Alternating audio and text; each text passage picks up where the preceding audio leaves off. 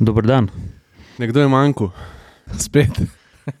nekdo je manjko in nekdo more narediti vod. Koliko te ni bilo?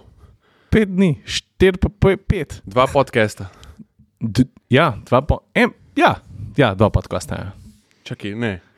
ja zato ker bo. Pivki te ni bilo, Ja, pa sem pa, sem pa že tukaj. Kaj je zdaj dva podcasta? Ej, čak malo. čakam. Kam gre? Um, Da pokaži, kdo je z nami. Da pokaži, kdo je z nami. Danes imamo gosta. Danes imamo gosta, lega. Vedel, Mike, kdo je za unike, ki niso na YouTube. Čakaj, da pove kaj. Slišali se. um, pa tako je eno v zaz- v zapiske. Ne? Se spomnite, da je Gizmo skoraj maklarno nažgal. Ja, res je. Od 0 do 30 metrov. Od ne? 0 do 30 metrov. Gizmo legenda, a? Uh, aktivni drug- diferencial, štir, uh, štir tačni pogon. štirtačni pogon. V Valdol treba je še niso videli pri teh letih tako zdrave kovke. V glavnem, kaj je Čakaj, zdaj? koliko je gizmo star? 14, 13, 14, 13. Ne, me. Kako je to pa, v, v, ta konverzija pasje človeška? To je 90 let. Ne, prva leta, so, prva leta niso sedem, ampak so tako. Mislim, da je celo prvo leto, dejansko prvo leto človeško, pa se pa začne, ne vem, tri, štiri, pa pa po sedem. V glavnem starjeno. Star je. Ja. Ampak Sliš- še zmeraj skoč do te mize gor. Skoč, ful, sliš nič. v bistvu, gliko Dobra kombinacija. No, sej selektivni sluh ima tudi njegov lastnik. Ne? Ej, jaz moram povedati najprej to, da sem noro vesel, da spet mi snemamo podcast, da smo en drugemu gostje in, in da bomo malo se pogovarjali o avtomobilih in o teh stvareh. Sploh, ker se nismo videli neki cajt. Ja, Ja. Ja. Dejansko ne, nismo se videli, nismo se pogovarjali, ja. tako da tole je res tisto, da imamo ven iz sebe. Po, pogrešala so te. Stari, jaz sem tudi vaju pogrešal. Ne, ampak res. Ja, sem videl, so ti vsaj kakšno sporočilo poslali, ti pa nama nič. Ne, jaz sem dobil neki ULA, neke dise. Ciril, ko gre v LA, od sada dalje samo biznis. Jure ga je spluval, Ja. ker uh, je prvi dan, takrat, ko je Proše že predstavil uh, tega 911 Dakar, ne, Uh -huh. Si ti imel na storijih, uh, kako letiš v biznis klasu. Ne, in, Ja, Vse vem, je bil. Uh, mi smo imeli embargo. vi ste imeli je- embargo, ampak Je, ampak pazi, embargo je trajal do 4 zjutraj po slovenskem času. In medtem, ko so, a veš, pa plus bilo je par kršitev embarga in tako. Ampak veš, jaz sem moral vsem malo zračunati, kdaj pa kako bom kaj naredil. Plus, ko sem, se bomo šli pol po vrst, ko sem jaz ta avto predstavil, sem malo bolj orang video naredil in nisem mogel kar vsebine ven zmetati. No. A gremo na začetek. Glavnem, um, a imamo še koga, ki nas podpira? Čak, da pogledam. Uh, ja, imamo Lju- Ljudje še verjamejo v ta podcast. še. Um, ja, petrol. Petrol, hvala, da nas še zmeraj podpirate. uh, lahko pa tudi te, zadnjič sem Juretu namignil, uh, te pa lahko tudi povem to, da bo naslednji podcast uh, z dvema petroloma gostoma. Aha, to je šlo čist mimo mene. Okay, Ni šlo, mislim, ja, mislim, šla je komunikacija mimo tebe, ja. no, ampak mi se bomo pa pogovarjali o uh, e-mobilnosti, o polnilni infrastrukturi. Tako da uh, jaz sem si prej tam malo vprašanja že prepravil za njih, tako da lej, se veselim. Ej, jaz tudi. To so, to so zanimive teme. Ampak pa kaj smo ugotovili, ne? da kakorkoli uh, gremo stran od štroma, pa ne vem, če se vedno znova k njemu nazaj vračamo. Energija je zdaj tako popularna tema, ker ne vem, če že, že Ne nekaj. samo energija, el- električnih avtomobilov je vedno več. To je res, ja. Pač vedno več je modelov. Ne? Uh -huh. E, ampak tako, če se pa malo ustavimo, pa stopimo korak nazaj, pa pomislimo, v kakšnih cajtih živimo. Mislim, koliko smo lahko kot, kot, kot neki avtomobilistični novinari, kot, kot neki pač uporabniki avto, koliko smo lahko veseli, da smo v tem obdobju, da, bomo lahko ne, mislim, da bo lahko nekdo rekel, hej. On je, oni so bili pa v tistem času, ko so, ko so pa imeli boje na razpolago, Ker se je vse zamenjalo. ko se je vse zamenjali, ko se dogajajo ta sviča. ne, tako da. Uh -huh. Ko smo vozili Mustanga, še vedno vejo 8 atmosferca, pa hkrati električnega. Hkrati električnega. Mustanga mahe. Stari. A? Res, ja, res, ja. Tako da, lej. Na razkrižju smo. To je veš kako, kot da bi se znašel zdaj v dobi, um, uh, preden je un uh, meteorit treščil na zemljo. Se pravi, ko so bili že prvi sesalci, pa še vedno so dinozauri hodili. A tako je, A? da se ne vem točno. Ej, drugače pa še spomniš? Ampak tam se je tudi nafta začela, Tam je bila že orang nafta. a tam je bila že nafta. Ja. A, a ni nafta tudi- nastala, nastala iz teh eh, nekih usedlin iz tistega obdobja? Ja, ampak so že takrat bile usedline. Ne? Ja, so imeli že par milijard pod pasom. Ne? Ne, Mhm. lej, predstavljaj si nekaj. Ne? Koliko je zemlja stara? 6 milijard, meni se zdi. Ja. Ah, milijarda gor dol. Ne? Tako da ima nekaj zgodovine. Ho- Hotel sem vedno poprašati, kaj pri tele kudi bo treba zračni filter zamenjati. A ste opazili? Nisem. Mislim, slabo vzdržuje ta tale naš vozni park. Ne? Ej, A to se še dobi, a to se še dobi na petrolu. filter. a veš, da sem tega videl original, The, uh, uh, uh, the One is film. DMC, Okay, se bomo, DMC2. bomo. Zdaj, zdaj full bluzimo na vse strani. Ah, stari, se vidi, da se nismo dolgo časa Nismo videli. se videli. ne. Kaj, kaj, bomo govorili o avtomobilih? A, a jaz začnem ali boste vidva? Kaj? Kva Dej, zdaj? ker imaš ti najbolj frišne okay. spomine, uh, začni ti pa povej, kje si bil ta cajt, ki se nismo videli. Si res te moram nekaj vprašati. Dej. Ne, ne, ne v frišnih spomenih, ampak nekaj mi zdaj iskreno povej. kaj Jaz, odkar sem videl ta avto, ki si ga ti lahko potipal, jaz sem, jaz sem ga videl samo na zaslonih. Uh -huh. A je, a je imel poseben občutek, ko so ta, tega Dakarja sedeš? Ja, ma, Mislim, kaj jaz ti moram iskreno povedati, jaz se po noč zbudim, pa mislim na ta avto, to se mi že dolgo ni zgodilo. Avto, ki ga nisem še videl živo, nisem ga potipal, pa se zbudim, pa mislim na njega. malo ima tega žmohta, veš, dakarskega. V bistvu je čist nov avto, ampak se mi zdi, da, da imaš tak feeling, da če bi mal spodaj pod podem pogledal, kar kaj peska najdel, a veš, pa veš, da še ni nikjer bil. Ampak ta feeling ti da, ampak dej bomo vse po vrsti Dej, razložili. ja, de razlož, zaradi tega, ker verjamem, da jih je tri četrt takih, da sploh ne vejo, o čem se mi pogovarjamo. Poglej, uh, kakšen mesec nazaj sem dobil vabilo uh, znamke Porsche na avtosalon v Los Angeles, kjer je bilo ogromno enih stvari, ki se je zgodil. Med drugim je Porsche uh, imel eno novost za predstaviti, pravzaprav več novosti. Um, Mater, se to bo zdaj trajalo. V glavnem, long Dej, dej. story short, avion, pridemo v LA in uh, ta prvi dan uh, salon še ni bil odprt, uh, tako da smo šli najprej v Peterson Auto Museum oziroma avtomobilski muzej Peterson. Bomo tako začeli. No? To je en muzej, ki je najbrž ali pa eden največjih avtomobilskih muzejev ali pa muzejev posvečenih avtomobilov na svetu. Ustanovil, ustanovil ga je gospod Peterson, ki se zdaj ne spomnim imena, lahko da je bil John ali pa George, ne vem kdo poprav. George je bil. On je bil veš en tak zanimiv možakar, ki je izhajal iz medijev in sicer je bil uh, ustanovitelj in lastnik um, avtomobilske revije Hot Rod, pa potem še, če se ne motim, ne Autocar, ampak ta, ta druga ameriška, ki je tudi zelo, uh, v bistvu najbrž druga največja ameriška revija, ki se ukvarja z avtomobili. Skratka, človek medijev. In uh, tudi zelo velik zanesenjak, in v enem trenutku se je odločil, da bo um, posvetil muzej avtomobilu različnim avtomobilom, različnim eram. Um, to je nekaj, kar bi bilo, se mi zdi, vsem, trem, vsem nam trem najbolj všeč. Je bil pa to tudi en zelo stresen obisk za mene, pa bom razložil zakaj. Najprej, ko smo vstopili v muzej, se ti že začne sanjati, da boš videl ogromno zanimivih avtomobilov. Pa ne zato, ker prideš noter, pa vidiš uh, Huayro, pa vidiš neke zanimive Ferrarije, pa Lambote in tako naprej. Veš, te stvari, sploh sodobne avtomobile, si kar mal vajen. Ne? No, potem pa na sceno uh, uleti Magnus Walker, jaz ne vem, koliko ga poznate, ampak on je Britanc, ki že tri četrt življenja živi v Los Angelesu, je cepljen na avtomobile na splošno, ampak in general je po Porsche zaljubljen že več kot 45 let. Mislim, on je že sam po sebi zanimiv kot pojava. Mislim, kako Mislim, zgleda. on tipa, je to je Tako. met, 1,90 m suhec, ki je čisti iskreno, ko ga pogledaš, mu ne bi dal 5 pik, niti 7 dolarjev v žep. Se lahko rečeš, kot klošar. Kot klošar zdaj. Ja. Um, in on je pravzaprav postal, je že dolgo časa na lokalni sceni znan, ampak posebej znan je pa postal z enim takim napol dokumentarnim uh, filmom The Urban Outlaw, ki govori o njegovi strasti do predelovanja Porschejev. Ta film je prišel ven, se mi zdi, da tam 2011-2012, nekaj takšnega. In je njega razgalil svetu, in njega so porajali v tistem trenutku tudi pri Porscheju. In so ga celo na ta način porajali, da so mu poslali pismo z povabilom, da naj pride k njim in da so oni dojeli, da on s svojimi avtomobili, ki jih dela, da ima nekaj, kar se ne da ustekleničiti pa prodati. Mhm.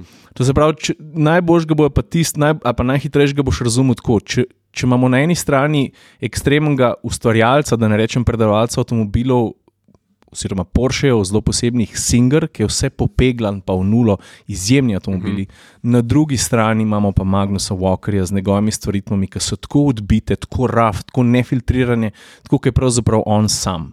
Um, in ta, ta iskren pristop k predelavi avtomobilov, ki je tako mal.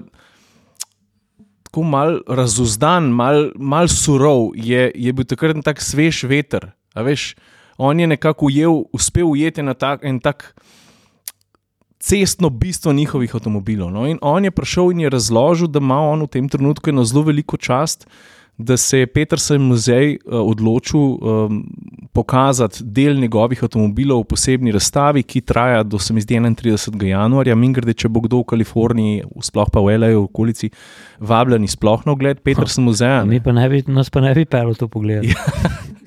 No, in pridemo dol in Magnus razloži, in se ta jaz, vse njegov sprehod čez, skozi te avtomobile, sem tudi objavil na YouTubu in na Facebooku, priporočam ogled. Um, razloži teh devet avtomobilov, ki so spodaj razstavljeni, in skozi to tudi malo lažje razumeš, zakaj počne tako, kot počne te stvari. Seveda je bil en ključen moment, ko je bil mulo, ne ga je fotor pelot tja na en avtosalon in takrat se je A je začelo. na šleparju pripeljal avto tja? Vse to je tisti, rekel, ponovadi se te eksponate v muzeju voz na šleperjih. On je pa rekel, jaz moram devet avtov sem pripeljati in sem poklical mojih osem najboljših frendov. Mm. In smo se z vsem avti sem pripeljali in smo jih sparkirali v ta prostor. In v tem prostoru si ti itak že blown away, ker so, mislim, tip je res umetnik. Najprej je umetnik, potem je ekscentrik, pa ljubitelj avtomobilov, pol pa še vse ostalo, se mi zdi. Um, no, ampak tukaj se je trpljenje šele začelo, ker si ti enkrat soočen s tako zanimivimi izdelki, ampak v resnici pa nimaš nobenega časa. Mm. Ti si tja prišel, tri ure imaš časa za ogled muzeja, um, in to smo bili v kleti. In v tej kleti, pazi, cel muzej nas še čaka, je parkiranih, give or take, bi rekel, 200 avtomobilov. In mi smo morali čez to klet se sprehoditi praktično brez, pres- brez postanka, ker se nam je mudili, in en varnostnik nas je skozi guro naprej. Zdaj pa, uh, desno od mene, prva konceptna Mazda RX7, ena na svetu, tukaj jo imajo. Pa varnostnik te poriva na Varnostnik te poriva naprej. Pa imaš bogati E EB110, Jaguar XJ 220, različni Ferrari, Cadillaki, edinstveni avtomobili, za katerega bi si, za vsakega bi si vzel eno uro in bi ga naštudiral in bi ga pofotkal in bi delal vsebino in bi ga občudoval, bi ga pošlato, bi ga pogledal, če bi ti dovolili, bi se noter usedel, ampak ti moraš naprej. Jaz vam ne znam povedati, kako se je meni srce trgov, ker sem mogel hoditi mimo teh mojstrovin. Ampak res svega izvašta. Tukaj noter so tudi dragsterji, uh, mašine od dragsterjev, uh, filmski avtomobili, um, motor od Batmana. Uh, kaj je že bil Unkadilak, kaj je bil od Telme pa Louise, eden od šestih filmov, ki so ga imeli, v, v, v, eden od šestih avtomobilov, ki so ga imeli v filmu. Ker to je tudi Čakam, prostor, ampak- kamor hollywoodska produkcija hodi avtomobile iskati. ne. Uh, ne, ne, najbrž ne izključujem tega, ampak imajo ogromno enih, uh, enih vozil zbranih, ki so izjemna. Pod vprašanje, Telman in Luis sta Kadilaka zagnali v prepad. To je, pazi, vse je zanimiva zgodba. Vsak avto ima zanimivo zgodbo, se zato ti je pa še bolj hudo. Pazi, to je eden izmed šestih avtomobilov, ki je bil uporabljen na snemanju in ta je bil prav posebej Aha, zato, okej. ker so ga uporabljali za close-up shots. Zakaj? Zato, ker je imel ogledala, uh, ni imel kromasta, pa špegle ni imel kromaste, ampak z neko mat farbo, zato da se ni bleščalo kamero. A veš, taki detajli so. Pa imaš iz Scooby-Dooja kombi, pa imaš, mislim, kup, pa imaš uh, tale, uh, kaj že bila tale, um, da mi sekundo. Una, ki je imela meljavžen čevlo, no? pa je bil mož diktator. Uh, Imelda Marcos. V glavnem, njun Mercedes blindiran, ki je imel zadnje luči, ta bel del tega Mercedesa, zadnje luči je deloval kot eh, uh, airport, uh, sekune, strobes, ki lahko zaslepijo bila, zadnji. pa to je bila ženska s to nogo. ja, se to je tisto. V glavnem, kupenih zelo zanimivih avtomobilov, avto od Andyja Warhola, avto, avto od Elvisa, ki ga je ustrelil, ki je ne par avtomobilov ustrelil. Um, skratka, 200 avtomobilov ti moraš pa leteti naprej, pa avto od Humphreya Bogarta, veš, različni filmi, avtomobili slavnih ljudi, pa sploh, na splošno kosi, ki, si, ki zahtevajo svoj čas, ti ga pa nimaš. Še en kratek intermezzo, mm. ki si omenil Andyja Warhola. Ste videli, kaj so naredili tisti aktivisti uh, BMW M1? Ja, pre, prefarba so ga, ne. Mislim, Kjer je dale, stari. Ja, prav neverjetno. Jaz sploh, Prav neverjetno, No, jaz nisem mogel govoriti. Pač z, z moko so ga posuli. ja. Legendarni avto, Ja. ki, je bil, del- mislim, ki je bil del Le Mana leta 1907. Ja. Mislim, veš, kaj je s takih stvareh, meni gre najbolj na živce. Ne? Mislim, kaj ti je ta avto naredil? Zakaj ne, moreš, zakaj ne, najdeš, ne najdeš druge načine, da poveš, s čim se ne strinjaš ali kako razmišljaš drugače? Zakaj je treba, zakaj je Recimo treba v samo nek- užig. Ne, ker to je najbolj na prvo žogo, tako najprej priješ v medije, ne, ampak to je seveda popolnoma napačen pristop. To je- to je- Uničevanje umetnosti, to, to ne pele nikamor. Uh, Sam da dokončam No, zgodbo. ne, ne, no. ne, saj kar, No, mi smo v tem muzeju, skratka, ta klet je mene ubila, zato ker sem šel ven čist sesut. Pa pol, ne vem, en bogati za 30 do 40 milijonov dolarjev, ki ga je bogati podaril iranskemu šahu leta ne vem kdaj, s posebej predelan in tako naprej. Pa je, v glavnem, hude zgodbe. No, Ampak sem to, to te moram prekiniti, ker to je res, to mogoče ljudem se zdi tako, zdaj je Ciril bogi boge, ampak to, če si avtomobilski navdušenc, če si tam še zato, da boš delal vsebino, tako obisk je res prekletstvo. Pokažejo ti vse, pa moraš iti. Tu si predstavljate tako, kot da bi vas brali za uh, Šumaharjev Formula 1 bolit voziti po stezi in vi bi tam prišli v polni bojni upremi in bi rekli, nam bo šlo motor za ribo. ja. To je, to je tak handicap. Mene, a veš, ampak po eni strani so pa s tem ustvarjali željo, da pridem tja in si vzamem čas, in to pomeni, mater en dan ali pa dva. mm. A veš, toliko je ne vsebine za nalagar, toliko je njih avto za pošlatati, za pogled, res neverjeten. Um, in to je to, posta pa, posta pa seveda še trije štuki, um, ki so razdeljeni na različne oddelke, od filmskih avtov spet do področja superkarjev z vsemi temi nekimi prelomnimi PN, pa La Ferrari, pa 918 Spider, Porsche, plus kupenih drugih stvari, pa Rimac Nevera, pa tako naprej. Sam, da si bo folk mal predstavljal. Ti si, imel, ti, ti si bil štiri dni na poti, Ja. Od tega si imel salon za pogled, imel si muzej za pogled, imel si dve avtomobilski premjeri, pa imel si eno tesno vožnjo. Ja. Vse v štirih dneh skupaj Ja. z uh, letoma v Ameriko. Mogoče je dobro, Pa še malo je Ferrari skočil. Ja. Mogoče je dobro, da razložim, da kot avtomobilski novinari gremo na pot, ne vedno, ampak kar v veliki večini primerov je tako, da če znamka, če te nekam povab in če te ima na razpolago, da tvoj čas izkoristi od začetka do konca. Kar pomeni, da jetlag, tako, kakšen jetlag, ti si Kaj zdaj to, tukaj, ja. zdaj, pa, zdaj bomo šli pa stvari gledati, pa delati, pa tako naprej. No, in zdaj razumeš uh, moj disk, ki sem ti ga spustil, ki sem čakal. Ja, ti si veš, želel vsebino, koliko sem včeraj. pritisnil na Instagramu refresh. Ref- Refresh. In jaz pogledam, kako se ti pokriješ tam v, v Airbusu, s katerim z Airbusom ste leteli.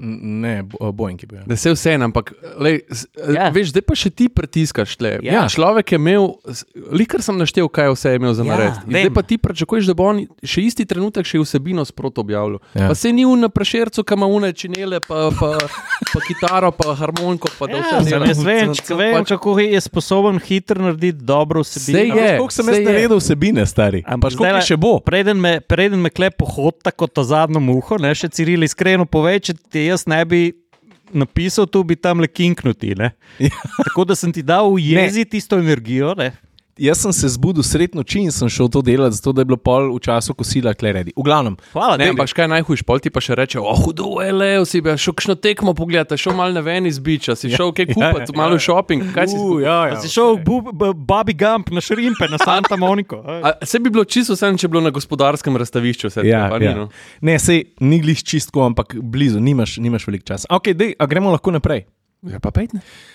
Torej, zaključimo v muzeju, premaknemo se na, na avtosalon, ki je še zaprt, ampak Porsche ima pa že v tistem trenutku odprt svoj razstavni prostor in tam se zgodi svetovna premjera njihovega najnovejšega avtomobila in to je ta 911 Dakar, o katerem Jurek govori. Pa se mi zdi, da ljudi malo zanima, pa da ga opišem zelo na hitro. Torej, Porsche je vzel za izhodišče Carrero GTS, ampak tisto s štirikolesnim pogonom, jo je zvišal za 8 cm, centimeter od tega prenesejo gume, 3, 4 cm prenesejo drugi fedri oziroma zmetenje, pa dodatne 3 cm dejstvo, da ti avto lahko dvigneš. Um, Valjda je gor nataknil ene hude kramparce, Porsche za njih pravi, da so to prve off-road športne gume na svetu. Um, končna hitrost tega avtomobila je ravno zaradi teh gum omejena na 240 na uro v off-road programu, ki najbrž, najbrž prilagaja na vor in tako naprej, se veš, da bo šel prijem na pesku Kako si jih na želim peljati v 170 radu. km na uro. Um, a ja, še en zanimiv podatek. Ne? Zdaj pazi, gume veš, da so začetek po koncu vsega pri avtu, pri terenskih avtih, pri športnih avtih in tako naprej. Ampak ta avto na teh gumah ring obkrož v času kot 996 Porsche GT3. To je kar orang podatek. Hudo. Sicer pa, Severno, zna, severno zanko, Sicer- 21 km, ja, zeleni peko na Tako terenskih GT3. gumah, pač dve generacije nazaj. kot GT3. Čakaj, da razložim naprej. To se pravi, vse bomo hitri, ampak se mi zdi, da moram povedati, ker ljudi najbolj zanima tudi ta avto. ne. Um, doplačilne opreme ni veliko. Uh, recimo, da lahko doplačaš eh, proper racing, gasilni aparat, pa kletko. Zračni filtri so seveda malo drugačni, pa zmogljivejši, v primeru, da se bo kdo od 2500 kupcev odločil kamit. Je pa tako, veš, kam začneš govoriti, se govori o tem, da najbrž, eh, oziroma da obstaja seveda veliko zanimanje. Avto bo takoj razprodan. Stane 222 tisoč ne mark evrov v Nemčiji. Pri nas 244 z davkom. No, evo, tudi to že veš. Um, Ja, ko sem. Zdaj, a veš, vsak dealer bo hotel enega imeti, pa vsak dealer ima najbrž še kakšnega dobrega frenda, pa bo še unga Ne. hotel imeti. Pa, a veš, Jaz sem skoraj prepričan, da bo ta avto v Sloveniji, uh, da se bo znašel. No? Zihar ga bo kdo jaz kupil. močno upam. Um, drugač pa si, avto je na nek način izjemen v tem pogledu, da je tako drugačen. Pa sem vesel, da se Porsche vsake toliko časa odloči za neko zanimivo izvedenko, ki čist podre vse. Pa ne vse, kar si do zdaj vedel. Sej, da spomnimo, ne, kdo ni pogledal mojega vloga na to temo, ta avto je poklon Se to sem ti hotel reči. Le Mans, To niso. Le Mans, no, uh, Dakar. Pariz, Dakar, dirkalniku, ki je zmagal uh, Pariz, Dakar leta 83. š- ne, Ne, 86. jaz sem hotel reči 88. Ne, ne, ne, ne, ne prej. Šest, jaz mislim, da je 86, 86, okay. okej. ogromno enih številk imam v glavi. In tudi ta izvirni dirkalnik so pripeljali tja, so nam ga pokazali, avto je itak čist brutalen. Zanimivost je pa tudi to, da ti lahko, če prideš v ta ožji krog, da naročiš tega Dakarja, da lahko zbereš tudi to kvazi originalno uh, polepljenost. To se pravi, nalepke lahko zbereš cifro od 0 do 999, lahko zbereš tudi ta strešen kufr s tistimi, uh, kako se Jure temu reče, da si pomagaš eh, splezati z peska. A, Deske, na, naležne. Ja, take plastične. Podnice. No. No, okay, tako, plus kanta za gorivo in tako naprej. Skratka, zelo zanimiv avto, ki bo mal prevetril to, kar Porsche tako ponuja. In, in to mi je všeč, da se znamka loti in kje odbit ga naredi. No. Mm. Ampak to seveda tudi ni približen, mislim, ni edina stvar, zaradi katere sem šel tja. Porsche je tam predstavil še eno Style Edition za Boxsterja, pa za Kajmana, z mal drugačnimi šivi barvami. pa To. to so pa, pa že mehne neke te različice. Um, predvsem pa Porsche 223 na cesto sprav še en avto in to je 911 Carrera T. To je karera, ki bo premustila ta gap med običajno karero in med karero S. Um, v osnovi jo dobiš z ročnim menjalnikom, uh, sedemstopenskim, ki je min grede izreden, ti si ga že imel priložnost pelati, jaz tudi že prej, ampak te pa malo spomniš. Uh -huh. Kako je za začetek nenavaden feeling, ko sedmo da? ja.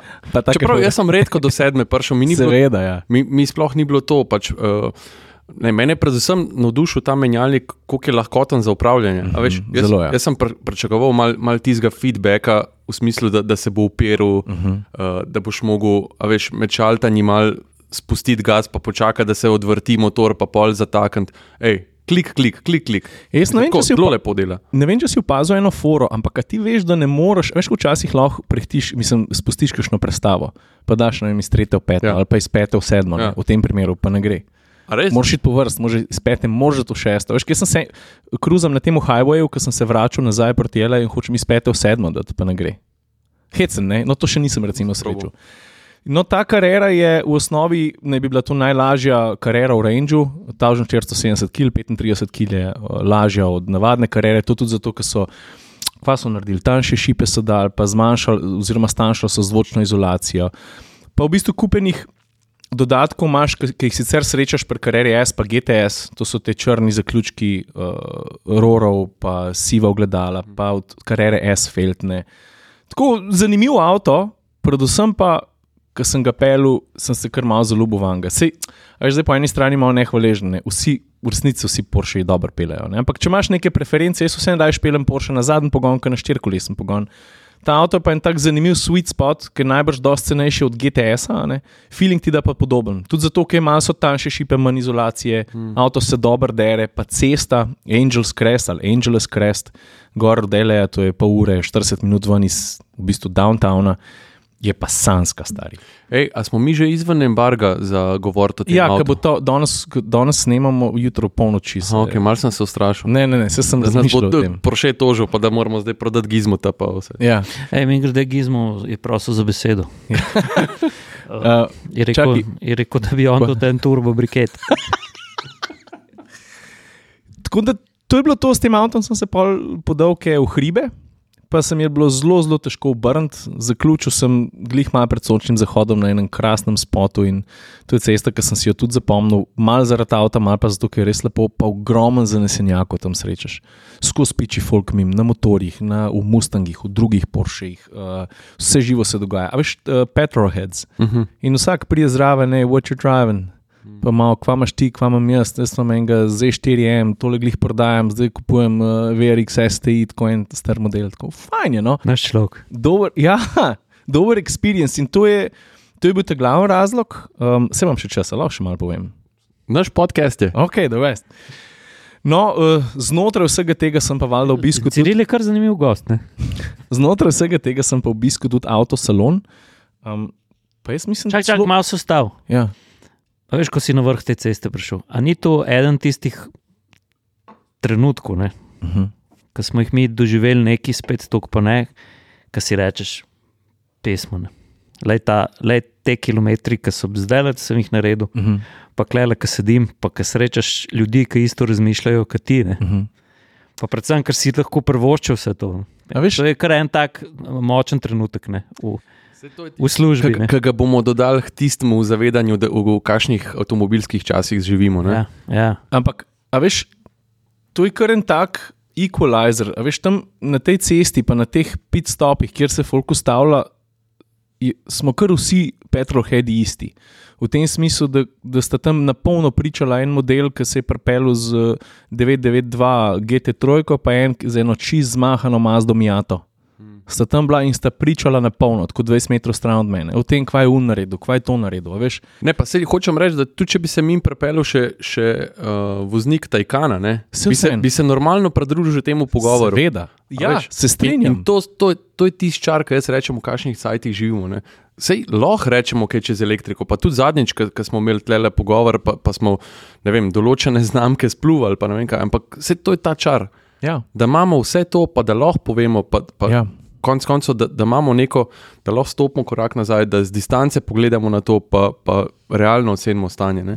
Pa veš, da sem se na te spomnil, ne dvakrat. Pa veš, zakaj? Folk nas doskrat vpraša, uh, tebe, Jure, pa te, mislim, vse, kje je tvoj najljubši avto. Ne? In ti, Saša, doskrat rečeš, je, lahko imam Ferrari, sem če sem v tistem trenutku na zabasani ljubljanski obvoznici, to ne more biti moj najljubši avto. Ampak tisti dan, tisti moment, tista zlata ura na tisti cesti s tisto 911, kot je rumeno. A veš, ki se vse, ki slišiš bremze, pa izpuh, mislim, bremze buhtijo, vročina ven, iz, iz- pa slišiš izpuh. Pa pogledaš malo okrog, pa rečeš, ok, v tem trenutku je to za me najboljši avto, Ja, pa najboljši moment, in pol probaš užiti to. Na, tako da Še v tistem zapomniš. Ne, trenutku sej- je to perfekt lep. Ne? jaz, Ja, Jaz, jaz, jaz imam vedno, ko mi nekdo meni uh, pač to vprašanje, jaz imam vedno v spominu, mi skoči ven ena dača, ki sem imel, uh, ko sem bil na barju uh -huh. in sem najdel en skok. Uh -huh. In, in tisti trenutek, če bi imel Ferrari, jaz si pač tistega Ferrarija ne bi zapomnil, ker valjda ne bi šel skočiti, ampak zuno dačo sem pa skočil enih 50 metrov pač tam na, na barju. Pa veš, In, kaj, in je bil tisti trenutek za me to najboljši avto na svetu. ja, ja. pa veš, kaj pozabimo? ne? Hm. Lej, pravi občutki se sestavljajo takrat, ko smo tudi že doskrat ugotavljali. Ne? Ni vse odvisno samo od konju, pa znam. Ma itak, da ne. Ampak ta pravi trenutek je un perfekt trikotnik, ki mu rečemo cesta, voznik pa avto. Ne? E, jaz imam pa še en tak trenutek, ki ga lahko omenim. Je valjda. Ja, nač, uh, najprej grem na avtosalon, se veš, američani malo po svoje te stvari delajo, vse je, vse je večje, kot si vajen, oni imajo znotraj teh hal, što ka folk pri nas zunaj dela, oni kar vse placa, kot češ. Oni tam vlečejo neke vteži, uh, uh, kva so oni z uh, rogovi, se vse en se sem pozabil, remi. Um, Noro, no, uh, drugače nič posebnega, kar se kolis tiče, pa tako naprej. User experience je dober, veliko ljudi spravijo v avto in se z njimi vozijo.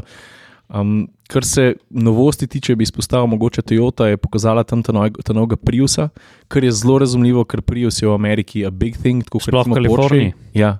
Mingrede, a veste, da jaz tega sploh nisem vedel. A ti veš, da je Porsche hotel 911, ko, a tam na začetku 80-ih, a na sredini, da je hotel ugasniti.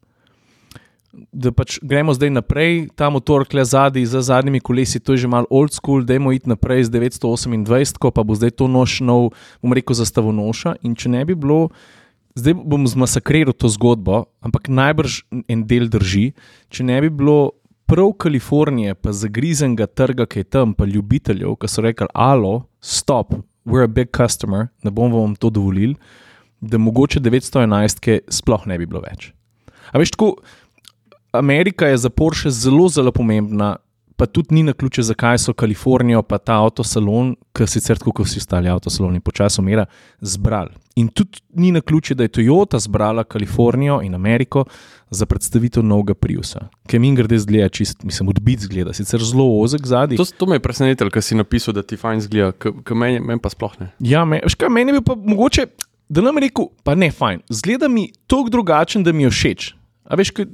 Lej, se, se to je mu moraš dati priložnost, uh, pač v živo ga videti. No. Se, Zadnji je full ozek, full hecen zgleda. Veš, aj recimo. kapelca.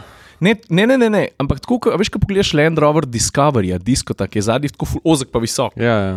Na ta feeling ki igra Prius, ampak je zelo zanimiv. No. Čist drug vibe. Drugače pa moraš tudi vedeti, da je Prius v, že v svoji prvi generaciji začel harati po Kaliforniji. Ne? Ker to Seveda, so- Prius hara Ameriko, moj stric ima Priusa. že 20 Ja, ampak takrat so tudi oni, v- sploh v Kaliforniji, prvi pograbili na ameriški celini to zgodbo o znižanju emisij. Hm? Hm? To je bil avto na mestu in Takrat so še celebrity to orang zagrabili. vsi so ja, ja, zagrabili. Ja, ja. Vsi so, in vsi so se v Priusih slikali. In, Ja. Hyundai je predstavil Ioniq 6, uh, pa pol Kia je v 6 GT. Pa še par takih stvari je bilo, par zanimivih novosti. No. Um, Enač pa, pa prijem ven iz tega avtosalona, pa tam je Armen Ferrari, tisti 348 Spider, pa jaz, kaj je zdaj to. In mi je bilo hecno, ker sem objavil ta video na Instagramu, pa na Facebooku, pa folk, tako, a komu ima veze to, un tret, a veš, kaj si zdaj to za en vip od skuloh, ta Ferrari voziš. In no, taka hecna forane. Ena zavarovalniška družba, firma, ki se specializira za uh, zavarovanje, predvsem avtomobilov, Haggerty se imenujejo, je tam imela dva avtomobila, enega starega SUV-ja, Toyota, pa tega Ferrarija. In un, jaz gledam, valjda, vas navdušen, slikam, ročen menjalnik, uno mal tipam, pa tako probam gledati čez une reže, če se kaj motor vidi, pa ti do mene prije, pa tako vam je všeč, pa tako ja. Kaj pa drugače počnete, ker sem prav zauzeto slikal? Pa jaz rečem, če avtomobilski novinar sem, pa to, pa sem mal sakar za te italijane, ki si pač ne morem pomagati, pa so res hudi, pa uno prav, un prav model, you want to take it for a spin?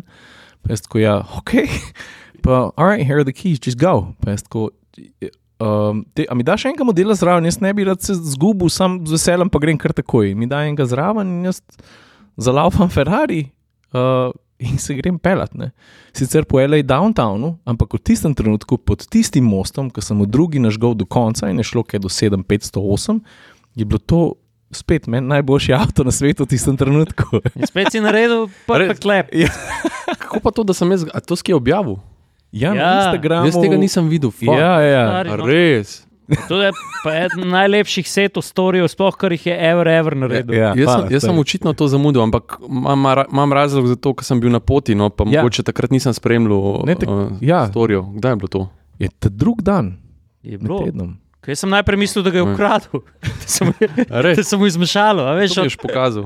Ja. Jaz sem, No. jaz sem mislil, da je srečal Nikola Cage ali pa da, so, da mora v San Francisco leteti na uh, The Rock, da se spet The Rock dogaja in da je plunil rumenega Samo on je imel Ferrarija. 355. Ja, vem, pa No, je pa rumen, pa Ferrari. Lej. V glavnem Ferrari iz 80-ih ročen menjalnik, stari pa gazdo podna, on je rekel Florid. Sem rekel, ok, ne rabiš mi dvakrat reči. Ampak, a, a veš, zakaj me to cirila rad, zaradi takih stvari.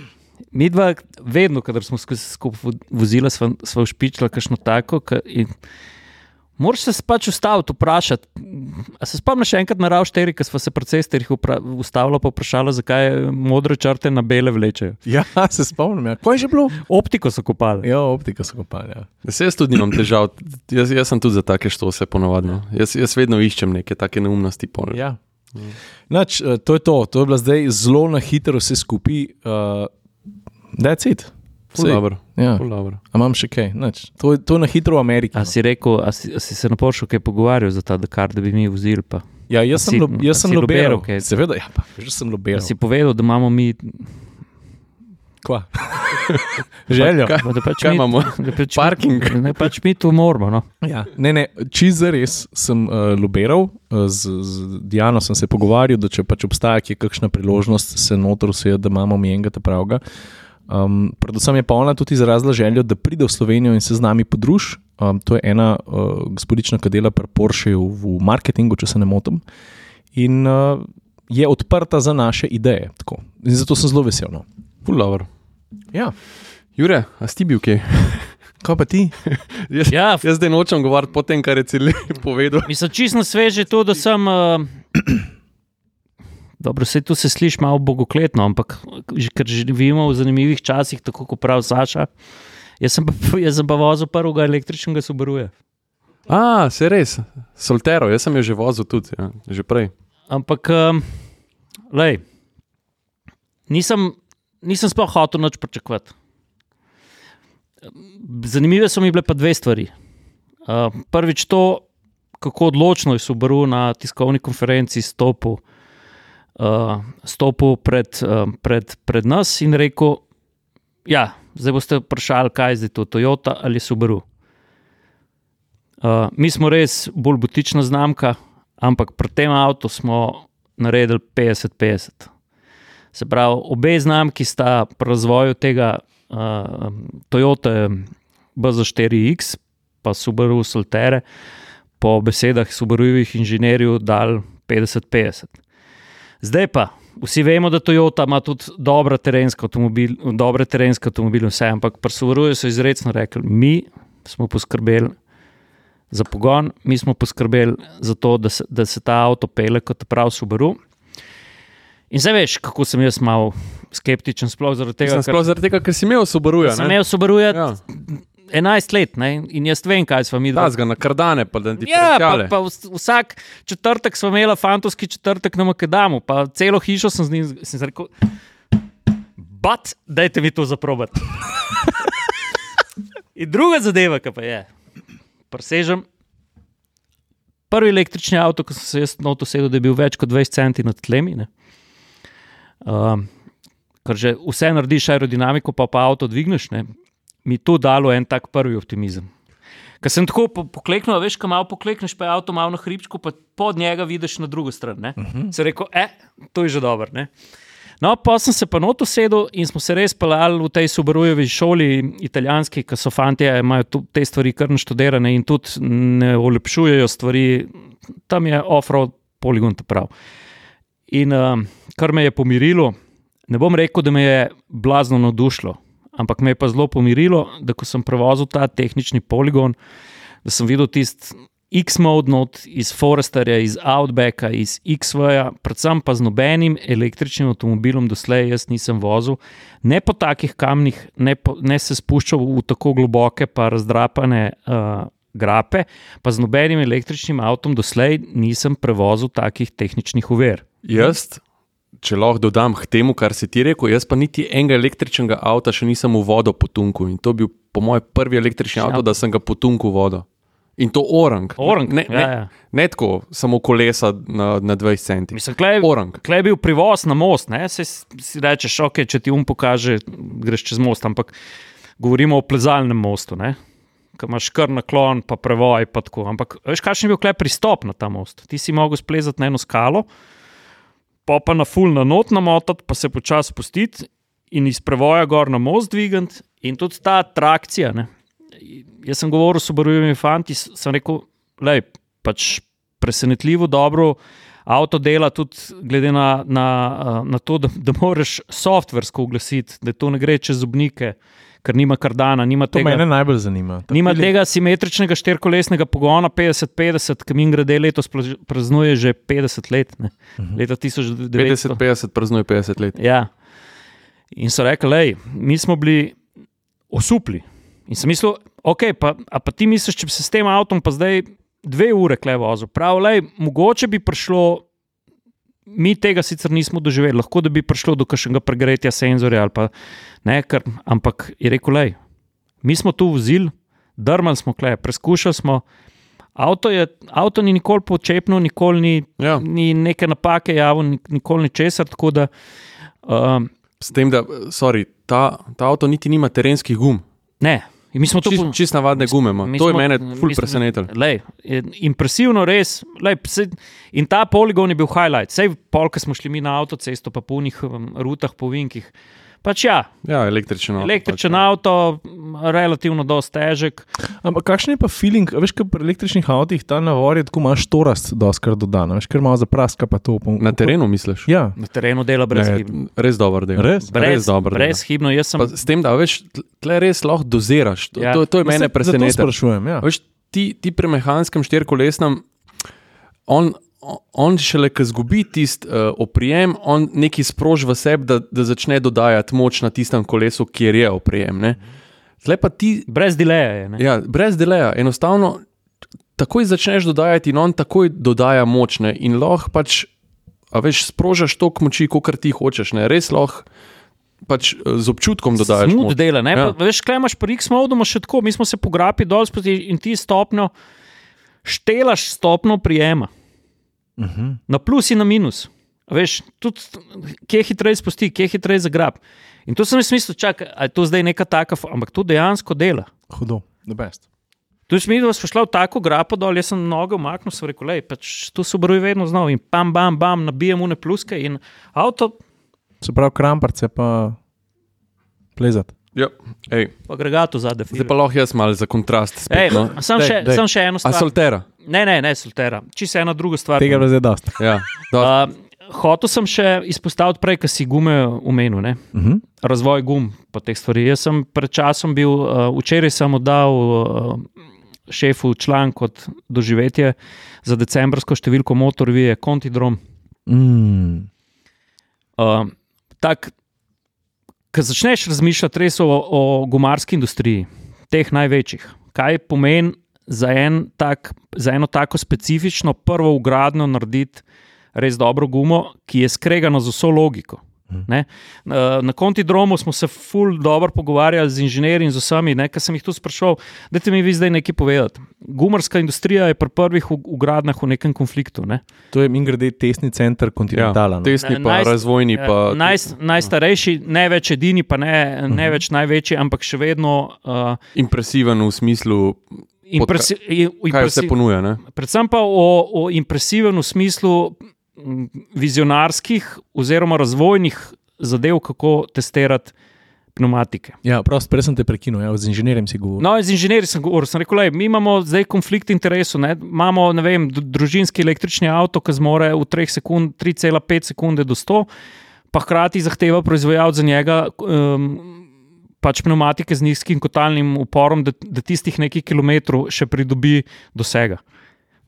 Vi, fanti, mi zdaj povejte, v Val smo se pelali, če jaz kupim zdaj le Porsche Taycana, ne vem, eh, eh, če kupim Audi e-trona GT-ja, kjer je kontinentalka gor. Srekel, lej, za nas je na prvem mestu oprijem, varnost, pa vodljivost avtomobila. Pozab nizki kotalni upor se ne splača v smislu tacga avtomobila, karkoli sklepati kompromisu, gor da je sport kontakt, pa uživaj. Uh -huh. In to smo pa tudi probali. Še eno stvar moram pa iz konti droma povedati, kar me je pa čist presunilo, koliko razvoja uložijo za to, da bodo pneumatike tudi v prihodnosti zmogle vse tisto, kar bodo zmogli konji. Oni imajo zdaj en nov simulator, Blown Away. Veliko ne bom povedal, povem vam samo to, da je pač kokpit avtomobila, zasloni taki okrog, ki jih jaz še nisem videl.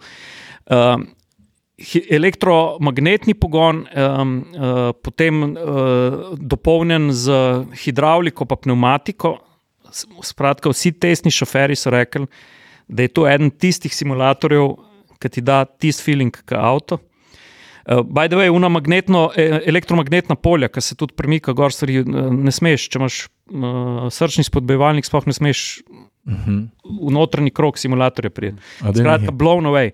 Blown away je pa številka v predserijskem razvoju. A veš, kaj zdaj, če si ljudje predstavljajo, če greš ti novo gumo razvijati za prvo gradnjo avtomobilske industrije, ne, ti moraš narediti 100 tisoč km testnih. To pomeni 10 tisoč gum. Hm.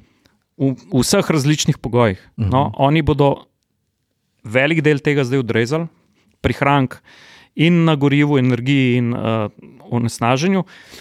Kar me pa še, še bolj šokiralo, da imajo pa tam, se tu, tu smo že doskrat videli, ampak nikoli pa nisem bil v tem centru, tudi, ker na kontidromu tudi pol um, avtomobilskih klubov upravlja naš veliki test, med katerimi je tudi AMZS.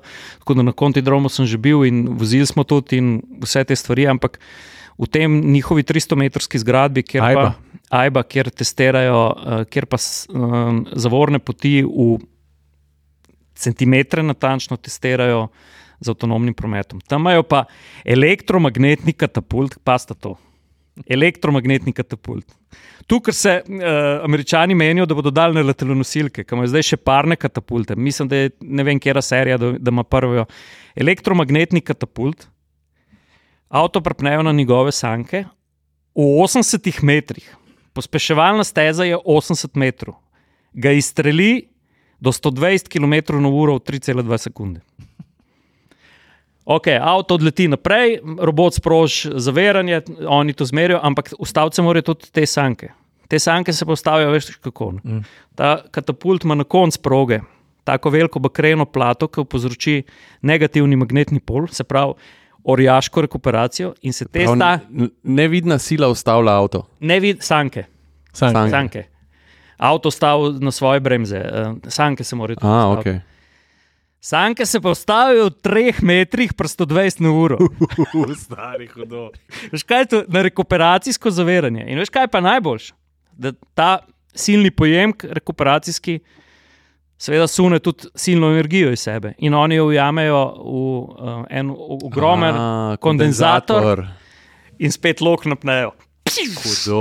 Ja, hudo. ta ajba je izjemna. To, je, to morate vedeti, to je 300 metrov dolga hala, v kateri tudi sred poletja lahko ustvarijo, oziroma non-stop ustvarjajo tudi zimske razmere. Podlage menjajo, ja, imajo Podlage vedno pripravljene vse različne Ja. podlage. Vse. Uh, Imaš R- različne frikcije, različne, uh, vse živo. celo ulico ja. zamenjajo. Ja. 100 metrsko stezo ven, 120 ton težko na valčkih, pa drugo not polijejo. Ja. ne. A lahko zdaj, sam, ki smo že glih tukaj, jaz kot uh, ponosen kontinentalov ambasador.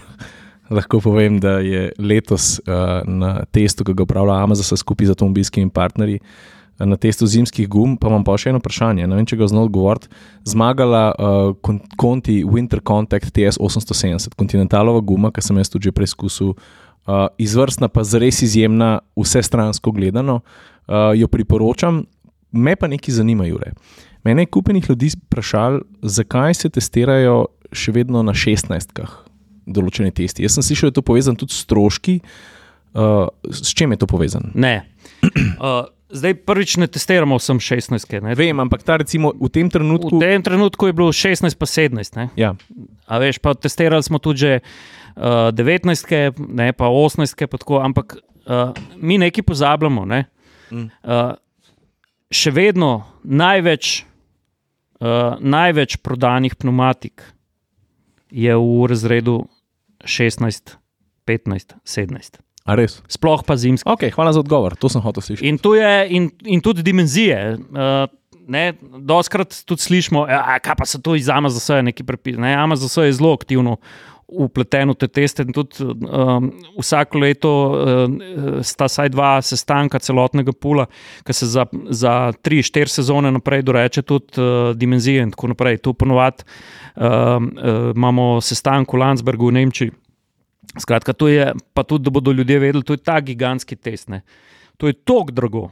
Ne vem, to je, vem, vem. To je, to, naprimer, en sam avtomobilski klub tega sploh ne more sfinancirati. Ne, in, uh, na kontidromu mi doskrat gostujemo, poleg tudi uh, kontidrom Continental uh, daje posoja tudi uh, avtomobilskim znamkam, Mhm. uh, neodvisnim uh, hišam, ki testirajo gume, ne, uh, pa tudi v pulu testirajo. Ne.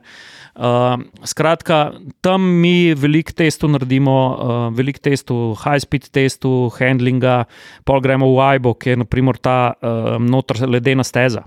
Ne. Tam je, je 60-metrska ledena steza, ki avto pneš. In tam ne samo uh, zavorno pot na ledu se preizkuša, ne. tam se preizkuša tudi uh, odklon z drsta. ne. Avto je, avto je dinamično pet in uh, se bočni, bočni odklon meri, ampak tako seveda v kontroliranih, ker ne moreš kar spustiti avto, da se bo odbijal polo do graja. Hočem reči, da te testi, ki so objavljeni v motorjevijah, v motorjeviji in pri drugih avtomobilskih partnerjih, to gre za hudo, hudo kredibilno in veliko stvar, in ga ni za z levo roko zajemati. Uh, Pa tudi, da ne bo kdo na robu razumel, ne? da zdaj gre pa Gregorčič uh, ocenjevati gume, pa on uh, tiščati. ne. Uh, Pul avtomobilskih klubov uh, je, je mm, izobrazil, oziroma jih tudi plačuje testne voznike. Ne? uh -huh. In da ti lahko v tistem X-faktorju gum, pustimo zavorno pot, ki tu se zmeri v AIBI. In je optično tako natančno, se pravi, v centimetr, in, in to ni, to, to ni izziv. Ampak vse tiste stvari, eh, vodljivost pri viho- visokih hitrostih, odziv na mokrem, in, tako naprej, eh, poprečju, da, da ti lahko gume testiraš. To je šest let vozniškega šolanja na 15-20 let predznanja. Ne, Mhm. Tako da testnih voznikov, testnih voznikov za, uh, za testiranje pneumatik je kvalitetnih zelo malo. Uh, vem, cel, cel kontinental, ki ima sicer na kontidromu 100 člansko ekipo inženirjev, operaterjev, in tada ima tam eh, 13 testnih voznikov, čez prst od 10 do 13 stalno testnih voznikov, in vsi, imajo, uh, vsi so tudi dirkači, se pravi, imajo zgodovino iz motošporta. Pol veste, Koliko je ura? koliko je ura. Ne? Ej, alo, Saša, jaz vem, da bi ti že kaj povedal o tem Ne. podkastu. Sam jaz bi samo še nekaj rad omenil. No, to je to. Hvala lepa za poslušanje.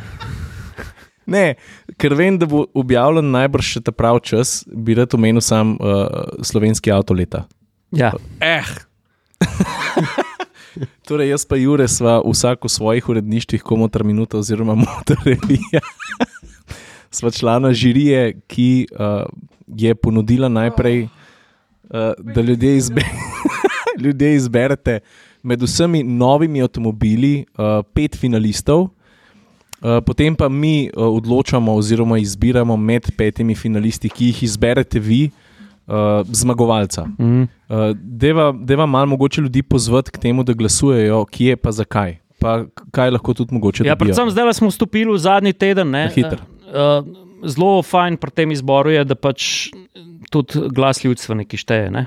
Mislim, je seveda. Se pravi, ljudje izberete pet finalistov, ki, jih pol ocenimo avtomobilski novinari. A jaz lahko sodelujem. Je valjda, se nisi žirant, ti nisi več žirant, ti si bil včasih žirant. Se pravi, jaz lahko nagrado dobim. Je valjda. A si glasoval? Ne. No, kaj ja, čakaš? Pa pol? enkrat na teden lahko glasuješ, stari. Zdaj lahko nisi žirant. Pa ne na komuter na minuto, Ne, pet meni daj ne, glas, ne, ne ne, name za ne, na Ne, name motorrevijo. za Na motorrevijo. V glavnem, kdo glasuje enkrat na teden, lahko glasuješ, sam džabe, zdaj uh, prošla baka kolačima, ki smo v zadnjem tednu, a ne? ampak večkrat glasuješ, več imaš možnosti, pa tri nagrade so, Jure, ti pa povej, katere so. No? Ja, vedno se potrudimo uh, dobiti, pa tudi hvala vsem partnerjem, ki vrsto let, leto že 31. izberemo slovenske. Petrol spet, ne? Petrol je zdraven. ja, ja. Ja. Petrol. Uh, Petrol bo, bo letos vsem, ki um, uh, ste glasovali, se boste uvrstili v nagradni žreb. In, uh, prva nagrada je Petrolova kartica za dobro imetje za 1500 evrov. Um, benc, benzina, dizla, elektrike, se pravi, Jurija pa pol dobro imetja. Kave, sendvičev. You name it. Ja, ne. Ej, da ne bomo zdaj kaj preveč. Res, ne ja. vem. Ne, I don't know. No, Okay. To ti veš. Po moje gorivo, no, da je poje. Ja. Kartica z dobro imetjem. Ok, v redu. Športne stave, Uh, greš pa uh, druga nagrada. položnice. Druga nagrada, uh, pa so pa preskočili letos tudi. Um, a ja, tu moram tudi malo razložiti. Vedno se potrudimo naprej uh, postaviti tudi v okviru tega izbora tehnološko Slovenijo, ki je tako ali drugače povezana z mobilnostjo. Ne? In um, letos um, smo povabili zraven tudi Adrijo Mobil, ne prvič, ampak jaz mislim, da imajo kaj pokazati Seveda. da so naš, eden naših največjih izvoznikov, predvsem pa uh, eden tistih, ki v, v svetu avtomobilizma, mobilnosti res veliko pomenijo svojo blagovno znamko. Da je zdaj Tako smo da- jih pa že to hvalili v tem podkastu, pa to kar da pomeni, tako da daj, naj dajo še kaj uh, samo podcast, ne samo tam um, za ta slovenski, kaj že sta leta. Adrija mobila, moramo sedemkrat reči, da se. Ja. No, lahko povem zdaj drugo nagrado. No, da je povej drugo. Petdnevni, Sam naje, hiter. petdnevni najem avtodoma, Ok, hvala. road trip. Uh, tretja, tretja nagrada je pa, valjda pač, uh, avto mora na cesti ostati, je pa uh -huh. komplet zimskih gum, uh, Konti. ne, Goodyear. Aj, aj. Zato sem pa rekel, da on nagrade pove. Ampak preden, ampak preden bosta vidva, ne, kle se šla neki. Ne. Bom, evo, jaz bom pa linku od spodaj v zapiske. Uh, Glasovanje. AMZS ali komu ter minuto. Oba bom, pa se pa vi sami odločite, A. kje boste. Ne, uh, zimske gume Goodyearjeve so pa tudi em, ene boljših na naših testov, tudi uh Mhm. -huh. ta model po, uh Mhm. -huh. po, podarjajo. A niso A. prve. A so prve, niso. V ta mali dimenziji, ne vem, na pamet. Ali lahko samo še, zdaj pa samo še to. Ne, zdi se mi pomembno samo to pojasniti, pa res zelo na hitro. Folk sprašuje, kje so pa Lamborghini in pa Bentley, zakaj ne morem tu glasovati. In vsako leto znova to Ja, to podarjamo. pa res. To gre Pa bomo pa zdaj še na hiter upoštev, pridejo nove generacije avtomobilskih modelov, od katerih se je vsak od njih v Sloveniji prodal vsaj 25 krat pika. Torej, ne ostali v samo tisto, kar samo, jaz ne znam več slovensko govoriti, samo novosti, absolutne. Kje ne je golf? Zakaj golfa ni? Ne prenove, ne facelifti, ja. Ne osvežitve, no, no, ne nove motorje. Nov model. Nov model tisto leto, ki je prišel na trg. Je pa ful zanimivo, ne, glih ta glas ljudstva, ne, ker ljudje zberete finaliste in letos me ful ferbec smatra, ker letos je v izboru 27. 27 novih avtomobilov, ne, med katerimi so hibridi, so eh, polno, polno električni avtomobili, eh, so avtomobili, ki imajo platformo, ki omogoča vse energijske zahteve. Ne, in me prav ferbec smatra, in me prav ferbec smatra, katerih pet bomo letos dobili za ocent za finalno razglasitev za slovenski A je avto. bil že kakšen električni avto, slovenski avto leta? Ne. V finalu je bil lani prvič Štromar, ne? Ja, lani prvič sta bila ID4, pa Škoda Enjak. Uh, pa lani prvič je, je zmagal hibrid. Ne? Uh -huh. In me, in me zanima, zdaj, ker leto, letošnja ponudba električnih avtomobilov je pa sploh, um, je pa sploh zelo barvita. Pa, Ker evropski avto leta je pa že bil električni. ja, je bil pa Jaguar. Ja, F-Pace je bil, ne, kaj E- že umem, e- E-Pace, sorry. Ja, pa predtem je bil pa tudi range extender. Je bil pa, kaj je bil, Chevy, kaj je bil Opel Ampera. Ampera. Ja, se spomnim, ja. Ja. Opel Ampera je bil avto leta je bil takrat meni. Ja, bil- Ampera je bila še takrat, ko je bila v bistvu plug-in hibrid. Ne? Range extender je bil. Ja. Ja, Dober. Ja. ja. Ja, nič. Okay, Uh, uh, to je to. Hvala, ker ste bili. Dajte strp, povej, no, kje si bil, ti si bil tudi Jaz- na snegu. No? Nisem. Jaz sem bil tle po Ljubljani. sem Čakaj, si glasoval zdaj? Nisem še, bom. Bo, bo. Pol bom linku uh, slovenski avto leta, pa bom tam pritisnil. Uh, ne, nisem ja, bil sem na snegu, ampak še predtem uh Mhm. -huh. lahko povem, ker, ker v bistvu ne vem, če smo se sploh uh, kaj o tem pogovarjali. No, vsaj v podkastu nisem govoril. Sem bil uh, na Češkem, sem bil v okolici Prage. Uh, na enem takem Škoda RS, Škoda RS Experience. No? Uh, ja, Ja, to je bilo ful zanimivo. daj povej malo. No. Ne, res, res. Mal glumi. Ne, ne, ne, ne. stori so. Res vozil si za nekaj Ja. starim, si se vozil. Sam... Ja, mislim tako, pač koncept eventa je bil uh, sprobati, m, se pravi, celo modelno paleto, škoda, ne, RS, kar je bilo, vsi so bili tam, ne, vsi RS-i, vključno z Zenjakom, tem ta novim, ki je tudi RS, ne, prvi električni RS.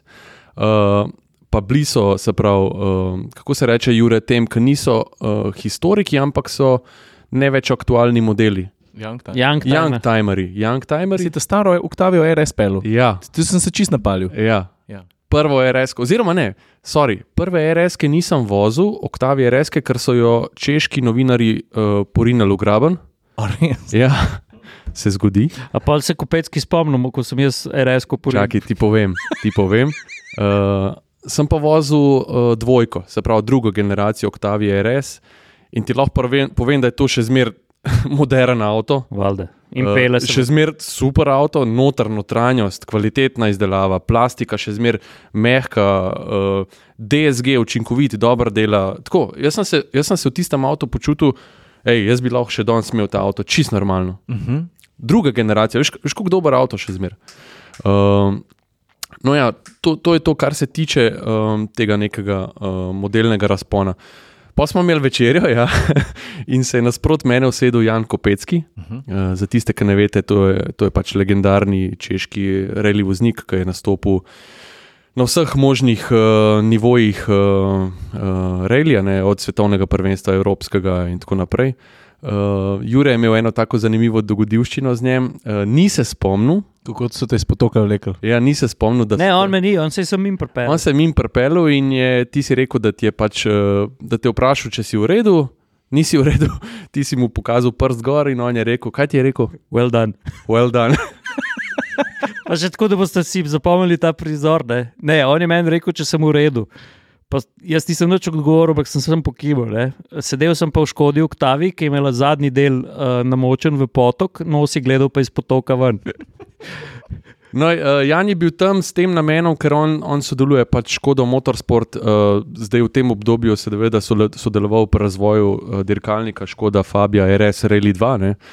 Uh, to, to je seveda tudi eden od highlightov tega eventa, kar bom pol povedal, ampak uh, on uh, še zmeraj dirka in v bistvu predstavlja zdaj neko staro gardo dirkačev in vsi ti novi dirkači, ki prihajajo, pač sploh v češkem uh, državnem prvenstvu, ki je izredno močno. Um, vsak ima neko željo njega, pač uh, ne. Uh, prehiteti, ampak je še zmeraj stari mahar, več tak. Uh -huh. uh, ima svojo ekipo, ni več pod okriljem škode, ampak škoda njega, veš, oni njega najamejo zato, da, da on testira njihove nove dirkalnike, zato ker tak dirkač s takimi izkušnjami ti lahko največ prenese not.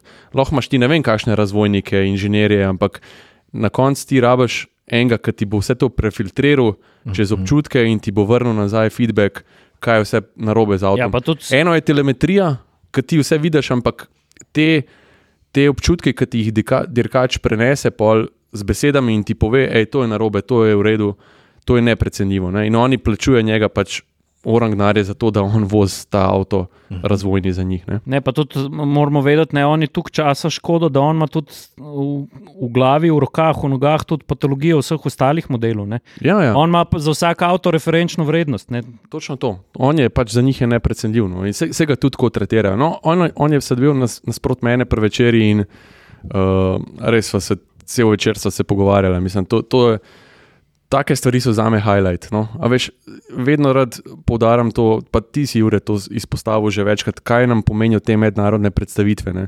Ja, vse se mi ne vozimo z avti, vse dobimo kilometre, dobimo neke izkušnje, uh, probamo nove avte, ampak, ampak taka, take stvari so neprecenljive. No. Podatki, ki jih tudi dober primer, jaz, ki sem bil na Porscheju, veš ti.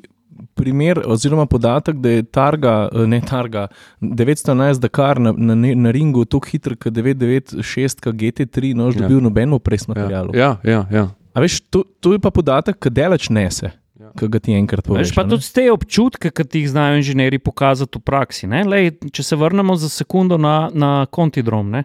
Predstavljaj si kombi Volkswagen T6, 8 zidcev zasedenih, majster, ki tam dela, se usedemo noter, pičemo mi na oval. Ne. Leta 68 so tam zalili oval, ki je še danes BP brez ene razpoke. Ker vsi kontijevi inženirji pravijo, če bi imeli danes tako kakovostne avtoceste, bi bilo že pol stvari tudi pri gumah narejeno. Kam mi grede, naprimer, pri glasnosti eh, gum ti da cesta lahko do 10 decibelov, ne? slaba. A Veš, ampak hočem ti reči, on je prišel, kako znajo številke, ki so tam pač neke številke nametane, v prakso prenesene. Predstavljajte si kombi, tu je še um, uh, T6, uh, un, uh, z 204 konji, uh, dizlom, in ga možakar našel na, našel pa 180 po GPS merilniku, in preletimo mi v zgornji pas ovala. Ne? Um, več, kot, več kot 50 stopinj, resna strmina, 900, 900 metrska krivulja, zid, zid, zid. Pam, furolo coaster in model me pogleda, pa pravi, a veš, kaj smo se prej pogovarjali o, o izničevanju lateralnih sil.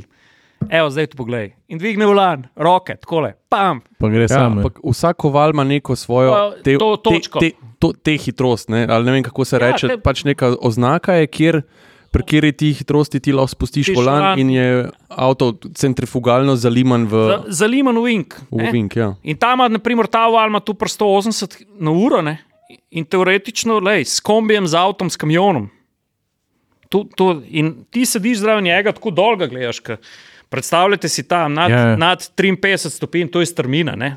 Alpska streha je 45, 48, vse smo stali. Ne?